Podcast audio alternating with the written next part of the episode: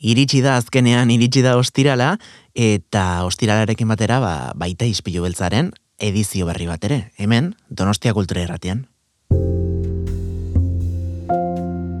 Ispilu beltza, Donostiako kulturaren isla.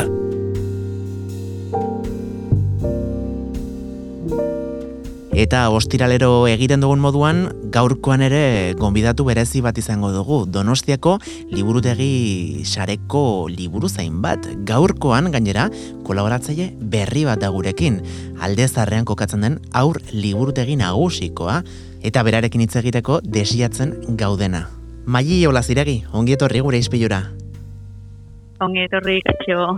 Kaixo, zer moduz maili? E, lehenengo aldia da, e, ikastu urte honetan gurekin zabiltzala, pasaden urtean ala ere egunen batean edo ibili zinen, ez da, Kristinarekin? Bai, bai, gomendioren bat egin nuen Kristinarekin, eta placer bat izan zen, eta berriro esan zidatenean, ea horten animatuko nintzen, ba, zer galtik ez.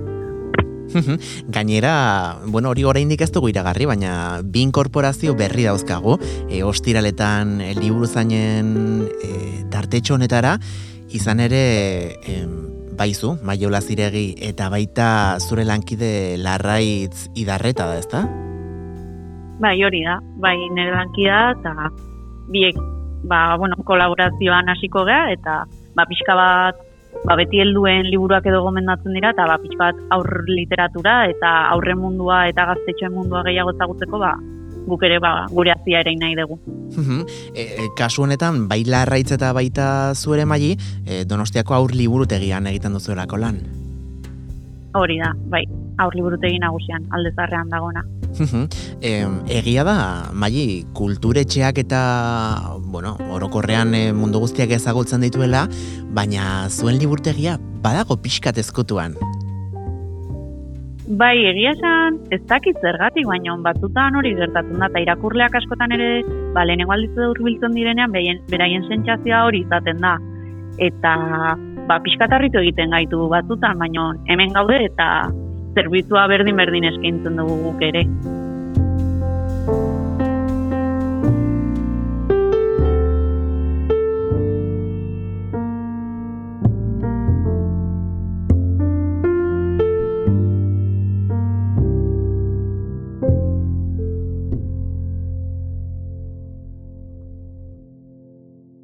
Izena berak, bueno, pista bat ematen digu, ez da aur liburutegia izanik, ba aurrentzako liburuak eskeniko dituzuela, baina, e, bueno, izpilu beltza guraso askok e, entzuten dute, eta ez dakite gutxo gora bera, bueno, zein aditarte tarainoko, bueno, ba, lanak izaten dituzuen bertan eskuragarri?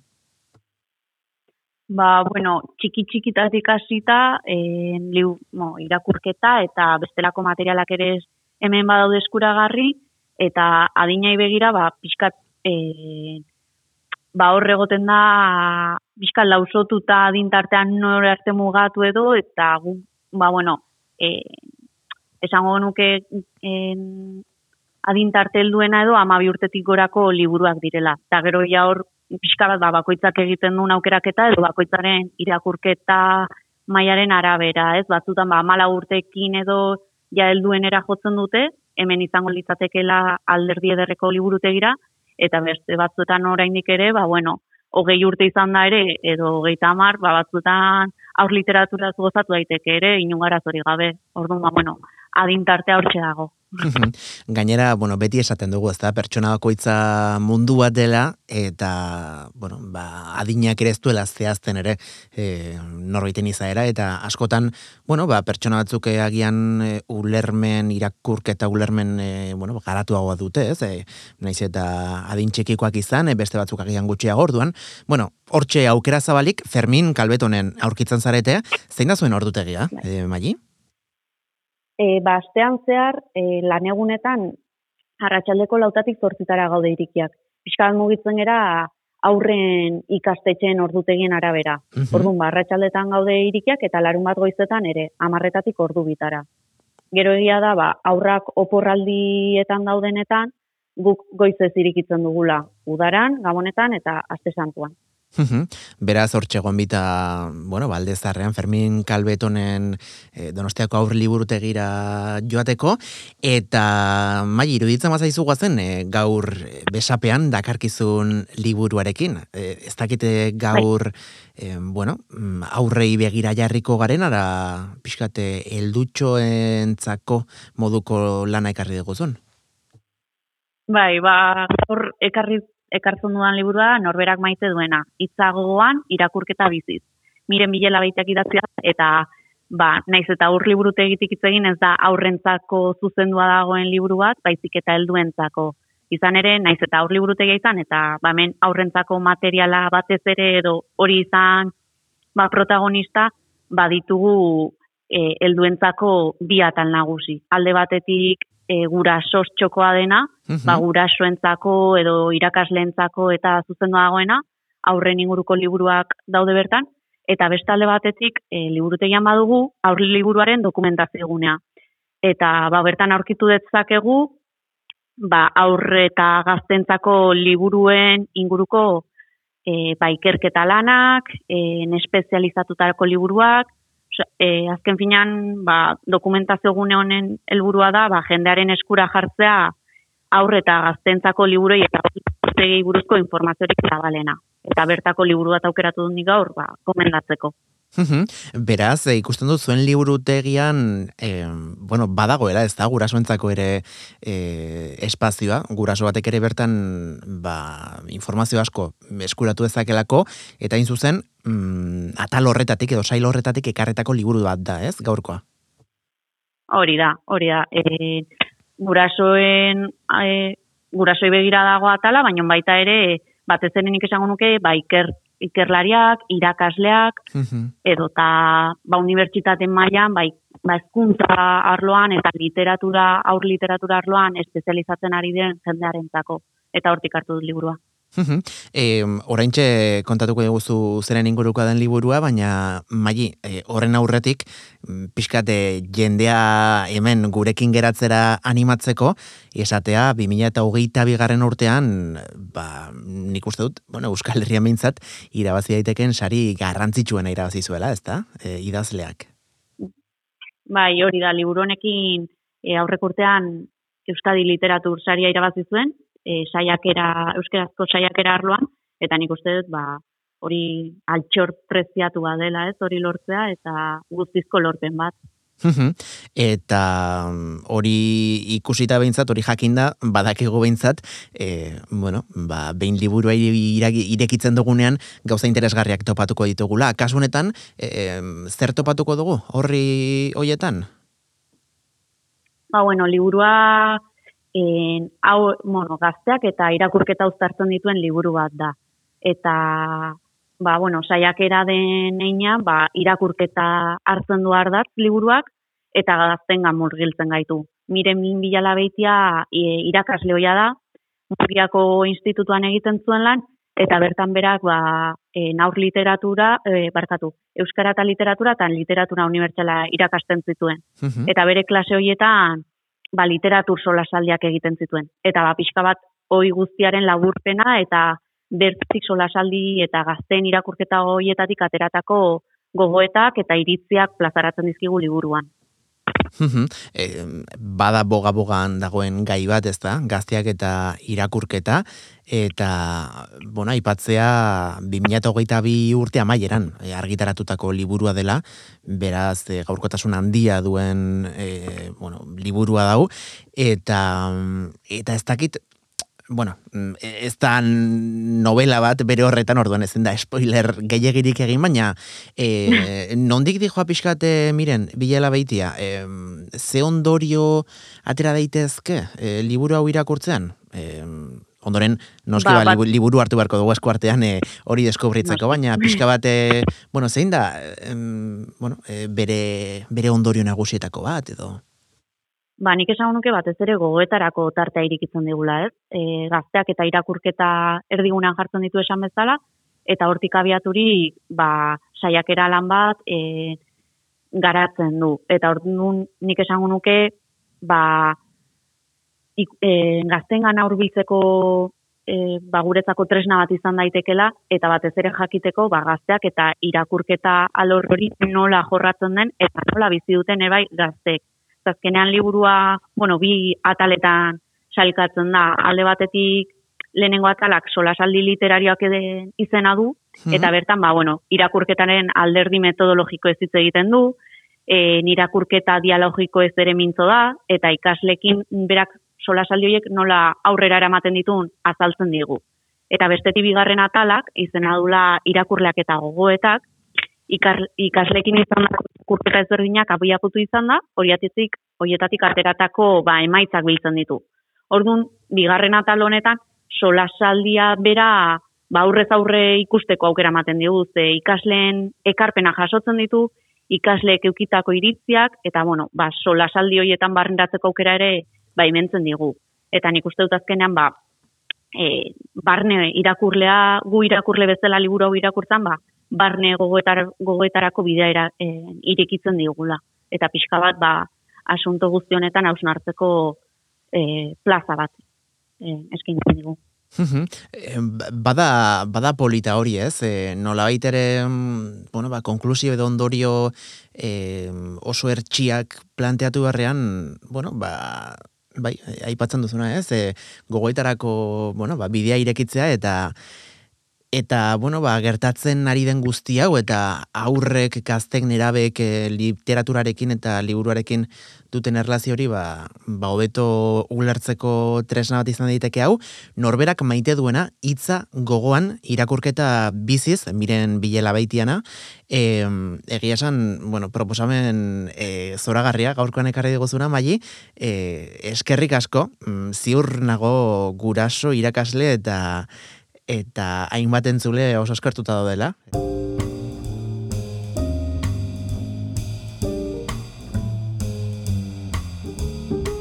Beraz, e, badak ez bezuek ere, bueno, ba, mairi kontsultaren bat edo dena delako egin nahi badiozue, ba, gerturatu zaitezte, e, donostiako alde zarrera, bertan izango delako bera, aur liburutegian. Maili, hola ziregi, eskerrik asko, eh, gaurkoan gurera etortzeagatik. Bai, eskerrik asko zuri hasier. Besarkada bat agur.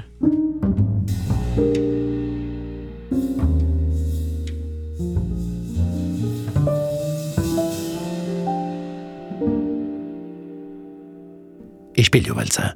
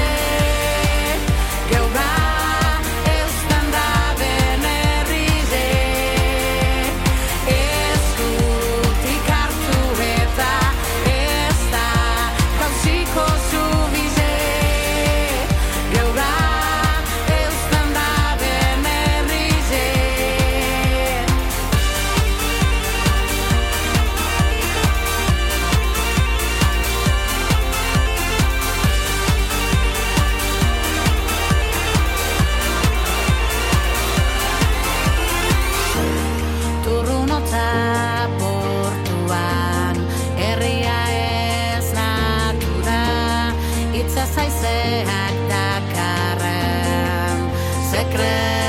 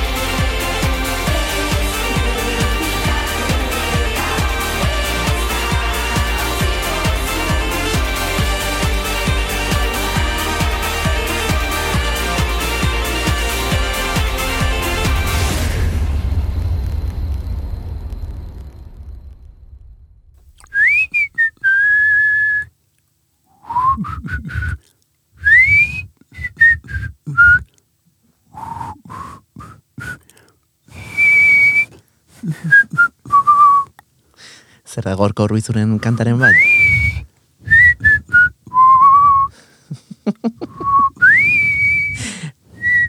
Oiera arantzabal. Ondo zaude? Beti. Ai, ondo, ondo. Eu? Ondo, ondo, gustora. Gainera, bueno, ostirala izanik, norrez dago gustora ez da. Claro. Bueno, Claro. bada jende asko, eh? Ta nik ere urte askotan asteburuan Bai. lan egindakoa, baino. Bai, bai, ez dakit, ni ondo, ondo bizinez, bai, bai. Zu oso Eh, ondo bizi ez, ez gara kejatuko, ez? E, gu baino okerro daude, eta... Bai, bai, zoritxarrez bai. Mm. Aizu, aste honetan, eh, aktualitate kontuak ez da?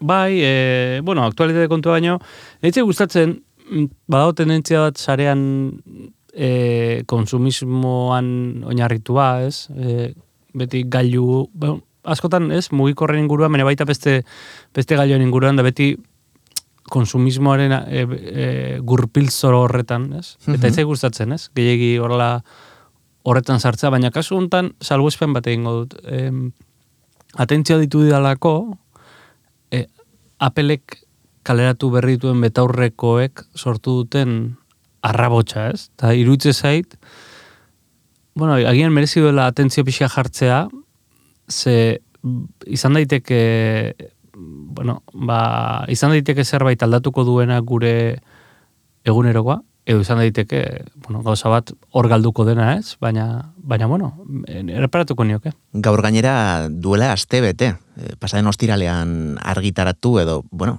salmentan jarri zirelako eh, Apple Vision Proak, E, oraindik ez dira Europara iritsi, baina oi hartzuna bentzat e, izan du sarean, e, medio guztietan ikusiela izan ditugu gaiuaren inguruko albisteak, e, baina gaiua baino agian kontzeptuaz beraz, ez? Konputazio espaziala da benetan interesgarria dena.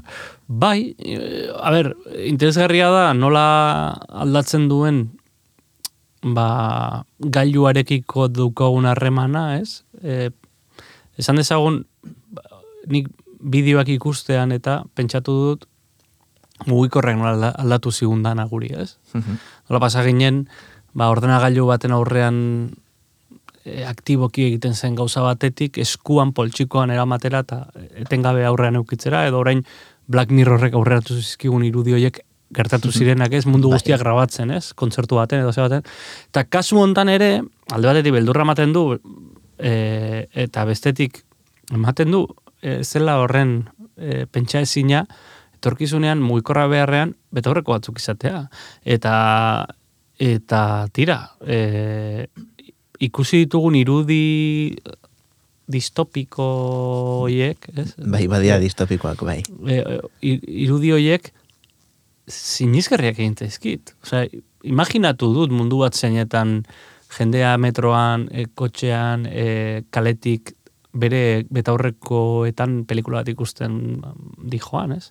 Eta kezkagarria da alde batetik, baina baina sinizgarria ere bai. Eta orduan, bueno, ba, e, puntu hortan egon naiz, ez? Horregatik egin zait interesgarria, ze Applek lortu du lehen, e, bueno, e, nerdiek erabiltzen zituzten en, mm, VR betaurrekoak, ez? Mhm, bai. virtual reality edo au- augmented reality betaurrekoak, bapatean, cool bihurtzea edo, edo eraman garri egitea, ez?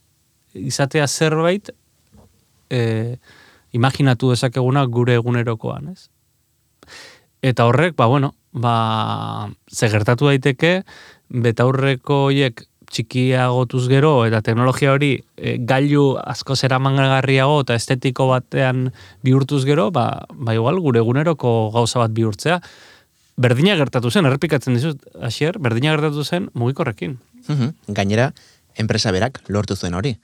2000 eta zazpigarren urtean Applek kaleratu zuen lehenengo smartphonea, eta ondoren begira. E, bueno, bidea ireki zuen hola baitez, e, teknologia berri hori zabaltzeko, eta ikusita pixka bat enpresa Kaliforniarraren ibilbidean ez dakit, orain, ba, konbentzituta nago baietz, baina beste behin, gainontzeko gainontzeko enpresa erraldoiek ere ba, bide berdina hartuko dutenik. Eta gainera, oier, bitxia da nola, bueno, zuk aipatu digozu, e, behin baino gehiagotan aurkitzen zaren momentu, bueno, mm, asko, buelta asko ematen dizkiozun, ez? momentu batean teknologiaren erabilerari, e, egunerokoan zer ematen digun, zer kentzen digun, mm, mugikorrak, sare sozialek, eta bar, eta bar, orain, betaurreko hauek, besteak beste, mm, norbait larrituta bazegon, ba, ba preokupazio hori areagotzeko moduko, ez? E, Bai, nik, nik uste dut e, hau dena gainetik igaroko zaigula, ez? Ja igaro zaigu e, gainetik ba, mugikorrek eta sareak e, oroar sortu duen zurrunbiloa, ez? Ta Mhm. zurrunbilo hortan bizi gara. Baina egia da ere, e, bueno, horren kontrako mugimendua ere sortuko dela, ez? Horrelako gauza orokortu bat e, edo bizimodu orokortu bat e, daukagunean, ba, normala da aurkako tendentziak ere sortzea, ez? Edo horre, hori arbuiatzen dutenak. Ta ger- gertatuko da. Zenbata esageratuago izan hori, nik uste e, aukera gehiago daudela hortarako. Eta gero, tresnak berez ez dira mingarriak. ez, E, e, mingarria dira em, tresna horren erabilpenak. Eta askotan tresna horien atzean dauden enpresek egiten dituzten erabilpenak, ez? Tatuenak eta barrez.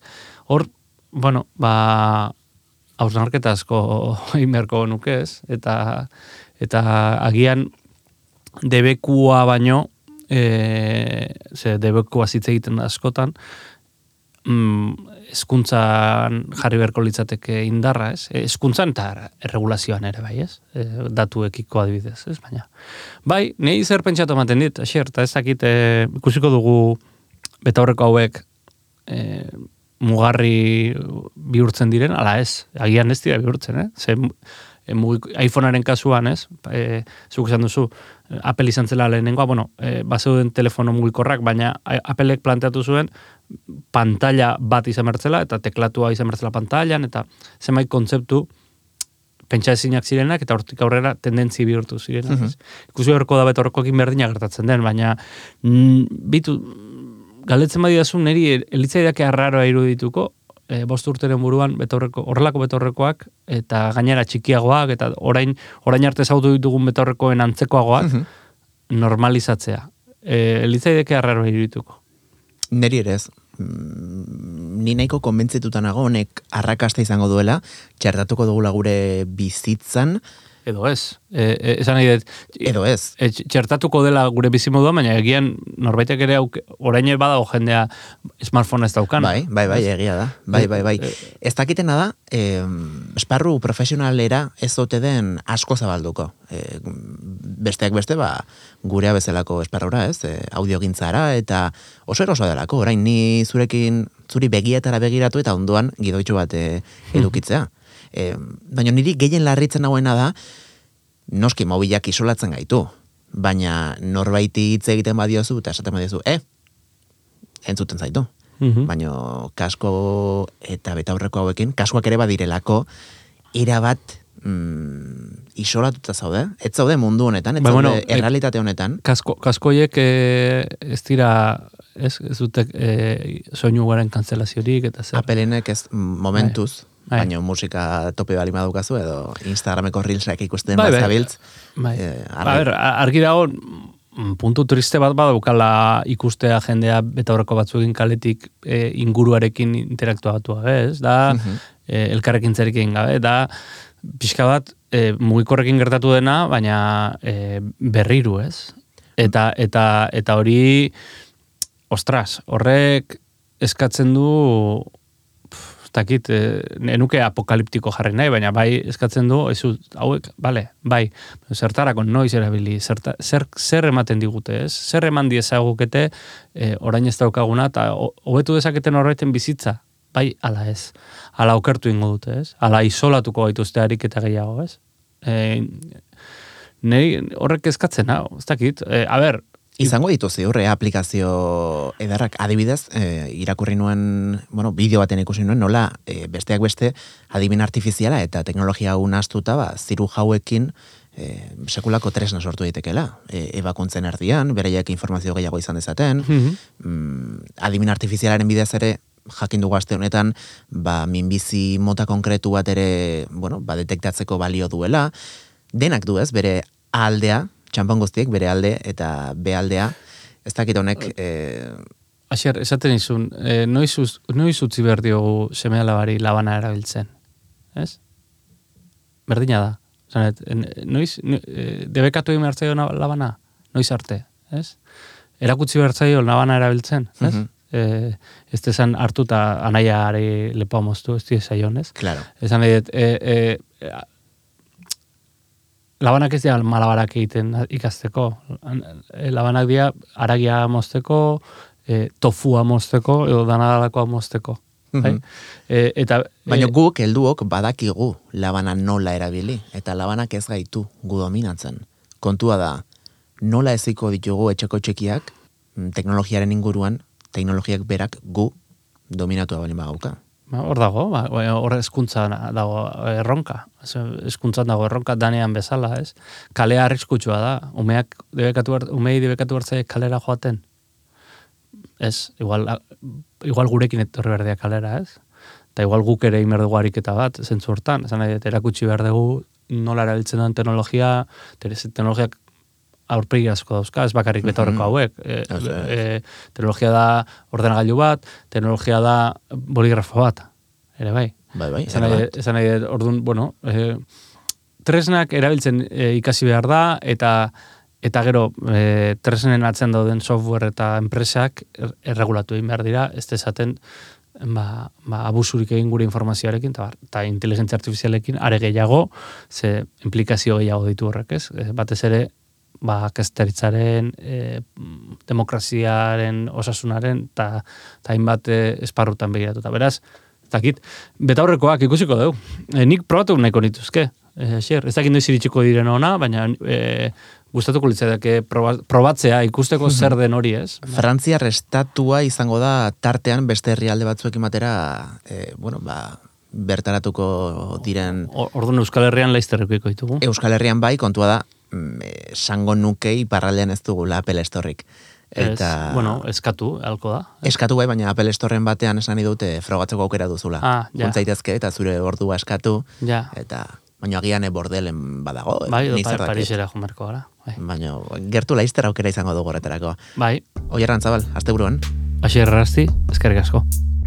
Ispilu beltza podcasta entzun gai duzu Spotify, Apple Podcast, Google Podcast eta beste hainbat audio plataformatan. Eta zuei ere agur esateko ordua iritsi zaigo. Eskerrik asko, eh? Aste honetan ere gurekin bat egiteagatik, gu astelenean izuliko gara. Badakite zuetako bat baino gehiagok agian jaia hartuko duela, inauteriak direla eta baina gu hementxe, eh? Txintxo, txintxo izango gara, Donostia Kultura Irratian, egun da zazpi puntu lau FM-ean, goizeko zortziretatik aurrera, eta lentxeago, mm, ba, entzun nahi baduzu ispilu beltza ere, aukera izango duzu goizeko seiretan argitaratzen dugulako saioa, podcast plataformetan, Spotify, Evox, Apple Podcast, Pocket Cast, e, nahi duzun guztietan ispilu beltza jarri bilatzailean, eta hortxe, entzungo dugu elkar. Astelen arte, agor!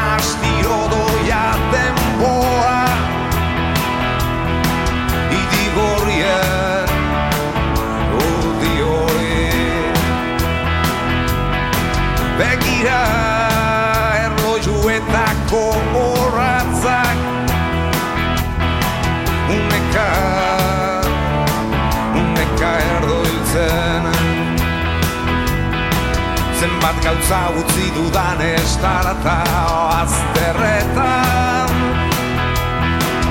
edo laku dinen onduan bizitza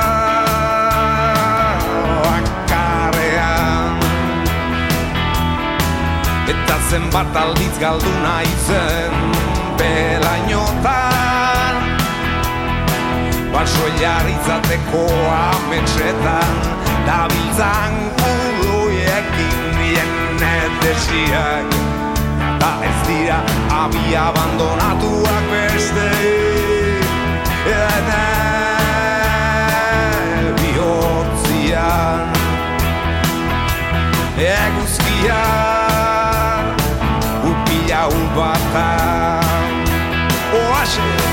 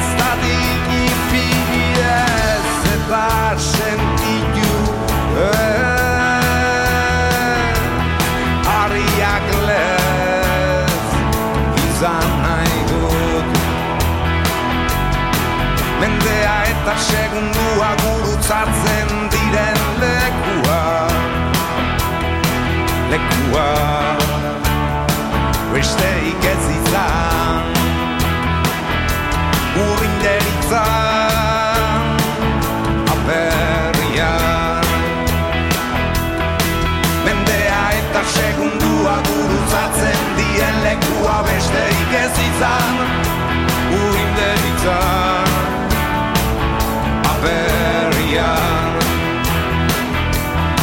Mendea eta segundua gurutzatzen diren lekua besterik ez izan. Urrinde izan Aperrian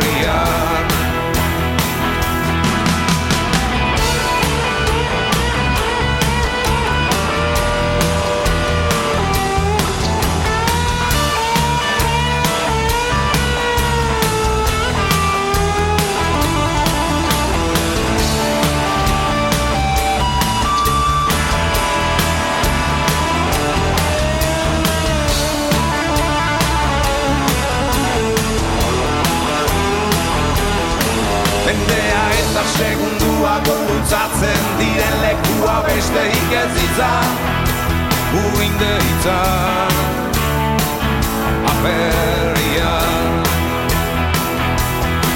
Mendea eta segundua gurutzatzen dien lekua besteik ez izan Urrinde izan